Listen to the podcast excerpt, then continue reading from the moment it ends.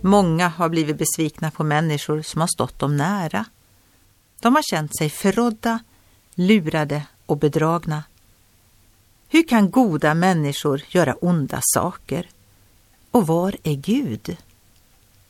Den danska biskopen Georg S. Gale skrev Aldrig kommer det onda från Guds händer. Men när det onda drabbar dig finns det plats i Guds hand för dig och allt som har blivit ditt. Om du så skulle sjunka ner i det djupaste hav är själva havet bara en vattenpöl i din fars hand. Medmänniskor måste visa tillit till varandra varje dag. Men när tilliten sviktar, sviktar inte Guds hand. Kung David hamnade en gång i en svår situation. Han sa till sin profet och sina rådgivare Jag är i stor vånda. Men låt oss falla i Herrens hand, för hans barmhärtighet är stor.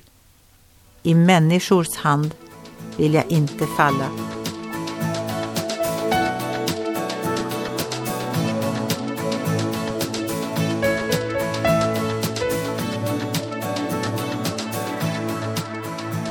Ögonblick med Gud producerat av Marianne Källgren, Noria Sverige.